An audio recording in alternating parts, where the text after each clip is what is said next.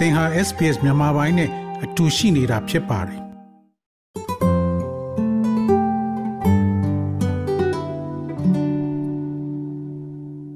တော်ရရှိမြောက်ယနေ့ဒီဇင်ဘာလ20ရက်ဗုဒ္ဓဟူးနေ့အတွက် SPS News Flash သတင်းထူးများကိုတင်ဆက်ပေးမှာဖြစ်ပါတယ်ကျွန်တော်က Terror မှာယနေ့အတွက်ထိတ်တန့်သတင်းများကွင်းဆက်ရေလွှမ်းမိုးမှုတံခံရသူများအတွက်ငွေကြေးအကူအညီပေးမည် ကွင်းဆက်မြောက်ပိုင်းရှိ အပူပိုင်းဆိုင်ကလုန်မုန်တိုင်း Jasper ကြောင့် ရေလွှမ်းမိုးမှုဒဏ်ခံရသူများသည် ယနေ့မွန်းလွဲ2နာရီမှစတင်လို့ အစိုးရစီမံအကူအညီတောင်းခံနိုင်မှာ ဖြစ်ပါတယ်။ Disaster Recovery Payment ကို အကျိုးဝင်သော အရွယ်ရောက်ပြီးသူ တဦးလျင် ဒေါ်လာ1000နဲ့ ရေကြီးမှုကြောင့်တိတိတသာဆုံးရှုံးမှု အကျုံးဝင်သော ကလေးတဦးလျင် ဒေါ်လာ400ပေးမှာ ဖြစ်ပါတယ်။အကျုံးဝင်သော ဒေသဆိုင်ရာ ကောင်စီနယ်မြေများမှာကတော့ Cairns, Cassowary Coast, Mareeba, Tablelands နဲ့ Wujie Wujie တို့ ပါဝင်ပါတယ်။ Emergency Management Minister Murray Watt က ABC ကို ပြောဆိုရာတွင်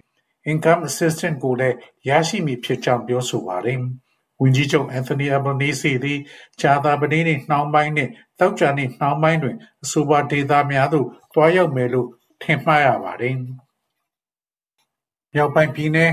ခေါင်းဆောင်အသစ်ကိုရှာဖွေမြောက်ပိုင်းပြည်နယ်ဝန်ကြီးချုပ် Natasha Flies သည်မိုင်းတွင်းကုမ္ပဏီတစ်ခုတွင် ထုတ်ဖော်မပြထားသောရှယ်ယာများပိုင်ဆိုင်မှုနှင့်ပတ်သက်၍ရာထူးမှနှုတ်ထွက်ပြီးနောက်မြောက်ပိုင်းပြည်နယ်လေဘာအဖွဲ့ခွဲများသည်ရွေးကောက်ပွဲမှရှစ်လအကြာမှာခေါင်းဆောင်အသစ်တစ်ဦးကိုရွေးချယ်ရန်ရှာဖွေနေပါသည်။ကမ္ဘာအကြီးဆုံးမက်ဂနီဆီယမ်ထုတ်လုပ်သူ South 32တွင် သူမရဲ့ထုတ်ဖော်မပြထားသော ရှယ်ယာများသည် သူမထားရှိတဲ့ကိုယ်ပိုင်စံနှုန်းများထက်ကျဆင်းသွားကြောင်းမစ္စလိုင်းဇာပြောဆိုပါတယ်။ Northern Territory ဘဏ္ဍာရေးမှူး Niko Manasyn သည်ခေါင်းဆောင်မှုနေရာမှာ ရှင်ပြိုင်ရန်အတွက်ဘာလီတွင် အနားယူရာမှ ပြန်လာခဲ့ပြီး အခြေခံအဆောက်အဦဝန်ကြီး Joel Bowden နှင့် Northern Territory ရှေ့နေချုပ် Chauncey Page တို့လည်းခေါင်းဆောင်မှုတွင် ပါဝင်ယှဉ်ပြိုင်မယ်လို့ ဆိုပါတယ်။သို့သော် မြောက်ပိုင်းပြည်နယ် အတိုက်အခံခေါင်းဆောင် Leopoldo Chiarello က လေဘာပါတီ ခေါင်းဆောင် အပြောင်းအလဲသည် နယ်မြေအတွင်း လက်ရှိပြဿနာများကို ဖြေရှင်းနိုင်မှာ မဟုတ်ကြောင်း Sky News သို့ပြောဆိုသွားပါတယ်။ကွင်းဆက်မြောက်ပိုင်း ရေလွှမ်းမိုးမှုကြောင့် ထိခိုက်သည့် လယ်သမားများက ပြောဆို မြောက်ပိုင်း Queensland ရှိ လယ်သမားများသည် ပြင်းထန်သော ရေလွှမ်းမိုးမှုကြောင့် သစ်စိုက်ထားသော ကြံခင်းများအပါအဝင်ကောက်ပဲသီးနှံများပျက်စီးမည်သို့မဟုတ်အနာအဆာရှိသောသရက်သီးနှင့်ငှက်ပျောသီးများကိုလွှင့်ပစ်ရန်အတွက်အတင်းအကျပ်တွန်းအားပေးသလိုဖြစ်နေသည်ဟုယူဆကြောင်းပြောဆိုပါသည်။လွန်ခဲ့တဲ့၇ရက်အတွင်းတချို့နေရာများတွင် မိုးရွာသွန်းမှု2000မီလီမီတာရှိခဲ့ပြီးလွန်ခဲ့တဲ့၇ရက်အတွင်းအပူပိုင်းဆိုင်ကလုန် Jasper ကြောင့်တောင်တင်နေသူများကိုကယ်ဆယ်ရန် Australian Defence Force ကပြင်ဆင်နေပါသည်။ မိုးလေဝသဗျူရိုသည် ပြည်သူများရဲ့ဝေဖန်မှုများနှင့် ရင်ဆိုင်နေရပြီးရေကြီးသည့် ဇုန်များတစ်လျှောက်ရှိ ဖက်ဒရယ် MP တစ်ဦးကမိုးလေဝသနှင့် ဇလဗေဒညွှန်ကြားမှုဦးစီးဌာနသည် ဒေသခံများအား ကောင်းစွာသတိပေးခြင်းမရှိသည်ကို သတိပြုမိတယ်လို့ ပြောဆိုပါတယ်။ကြိုတင်သတိပေးချက် Network မှ မိုးလေဝသပညာရှင် Ken Cato က ထုတ်ပြန်ထားတဲ့သတိပေးချက်များသည်မလုံလောက်ဟုသူထင်ကြောင်း Channel 9သို့ပြောကြားခဲ့ပါတယ်။ကျွန်ုပ်တို့ရဲ့ကိုယ်ပိုင်ထင်မြင်ယူဆချက်က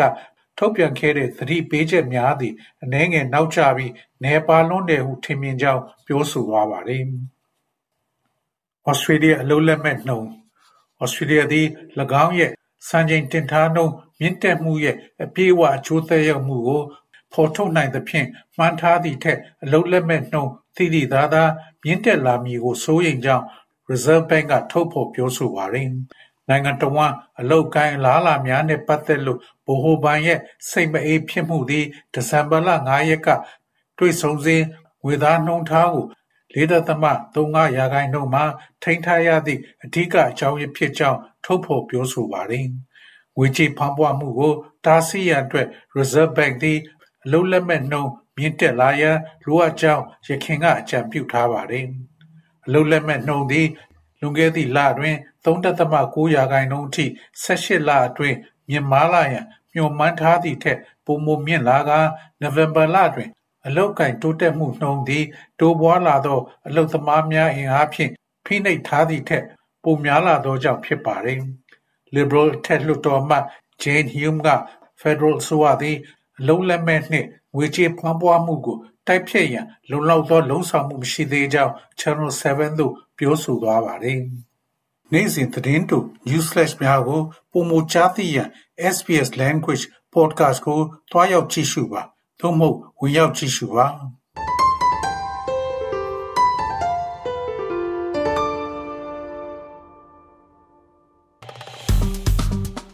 SPS မြန်မာပိုင်းကို Facebook ပေါ်မှာ like ရှာပြီး like မျှဝေမှတ်ချက်ပေးပါ